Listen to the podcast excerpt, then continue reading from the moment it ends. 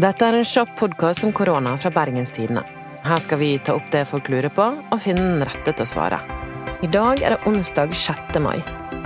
Hva er det vi må få svar på i dag, Henrik? Det har jo vært mye snakk om at uh, mange har syntes det var utfordrende å jobbe på hjemmekontor i koronapandemien. Men uh, det viser seg nå at ganske mange faktisk trives bedre med å jobbe på hjemmekontor. Er dette noe vi burde fortsette med også etter pandemien er over?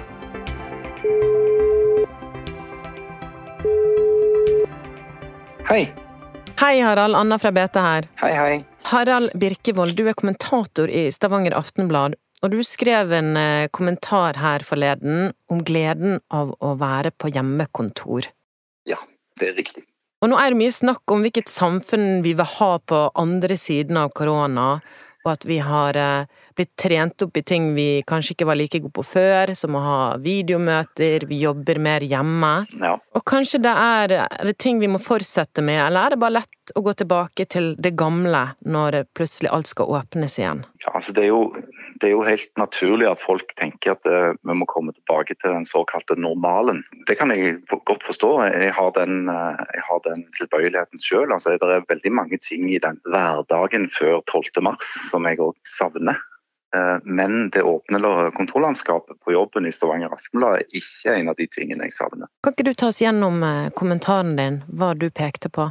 Jo, jeg pekte på, jeg prøvde jo å være litt personlig. og Det er jo alltid en liksom, tricky business det, i, i kommentarsjangeren som i resten av journalistikken. altså I hvor stor grad du skal bruke deg selv i sånne historier. Men samtidig så, så er det jo deg selv du kjenner best. da. Jeg har jo kjent meg selv siden jeg var relativt uh, lite barn, uh, så jeg vet ganske mye om hva som får meg til å, fungere og ikke fungere.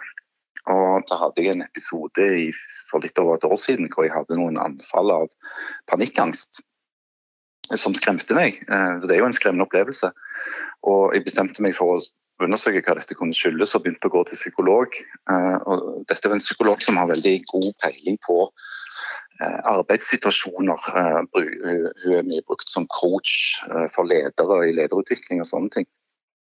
Og, og det, det, som jeg synes var det sentrale spørsmålet hun, hun, stilte meg, det var hva er det som gir deg energi og glede i hverdagen, og hva er det som gjør deg eh, stressa eller utilpass. Eh, og helt fra jeg var et lite barn, så har jeg satt veldig stor pris på å ha såkalt alenetid. Altså være for meg sjøl. Eh, om det da var på rommet eller bare være, på fjellet f.eks. alene.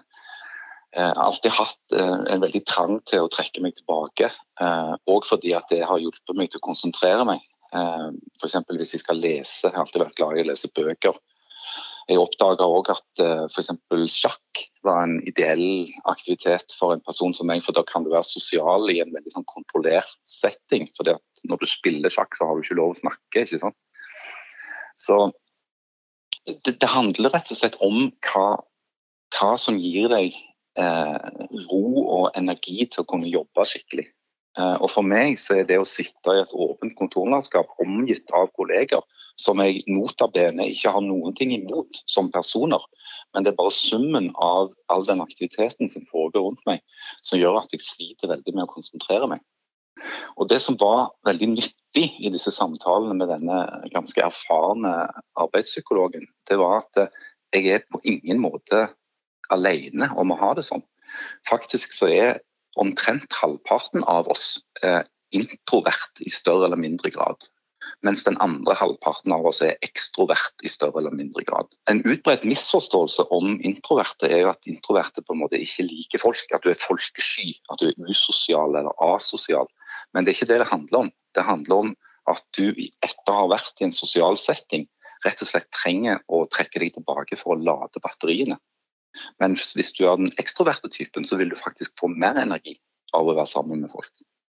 Og Det er òg viktig å huske på at de aller fleste befinner seg jo på en, en form for glideskala. Akkurat som du er mer eller mindre sjenert eller mer eller mindre tilbøyelig til å mene noe, så har, er, det også, er det ikke sånn at folk enten er bare ekstrovert eller bare introvert. De aller fleste befinner seg et sted rundt midten.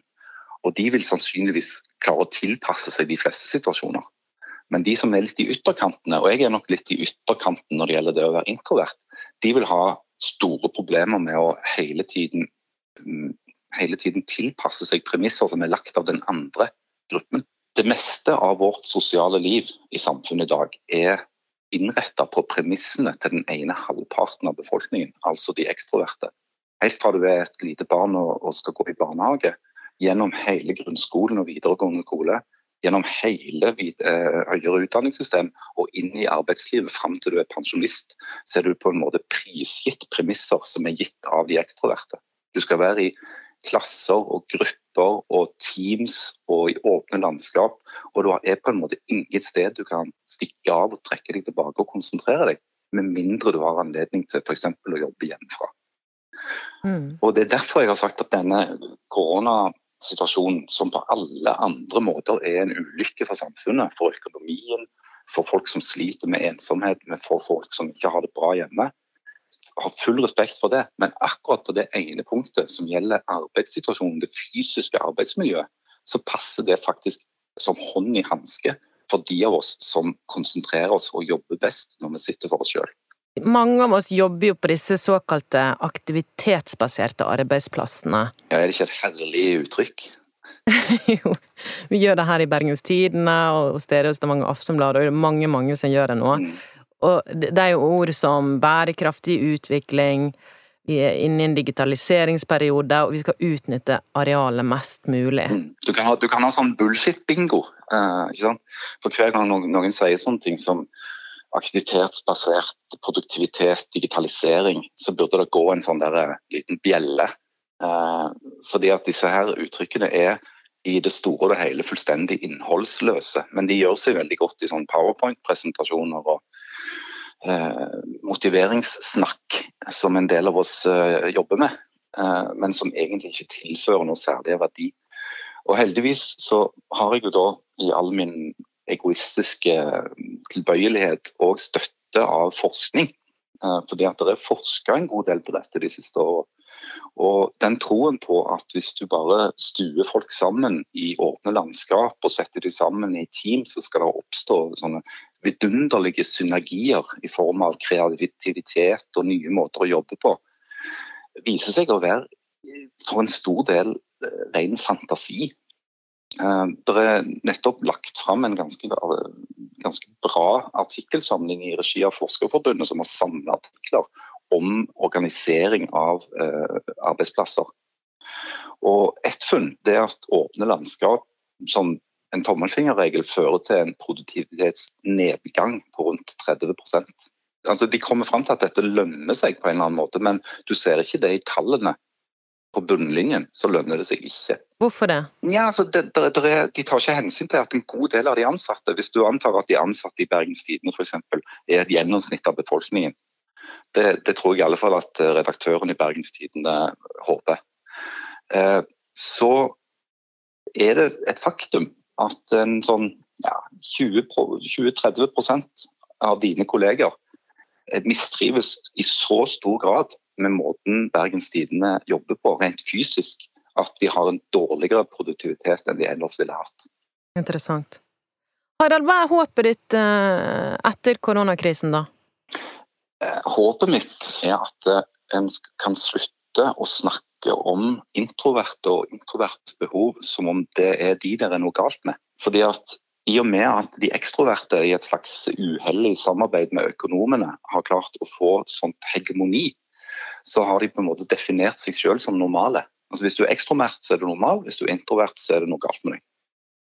Eh, at du i større grad aksepterer at folk er forskjellige, og at det er smart av arbeidsgiverne. Ikke bare fordi at det er empatisk og, og vennlig eh, mot den enkelte, men òg smart økonomisk å innrette arbeidsmiljøet på en sånn måte at du tar hensyn til begge gruppene.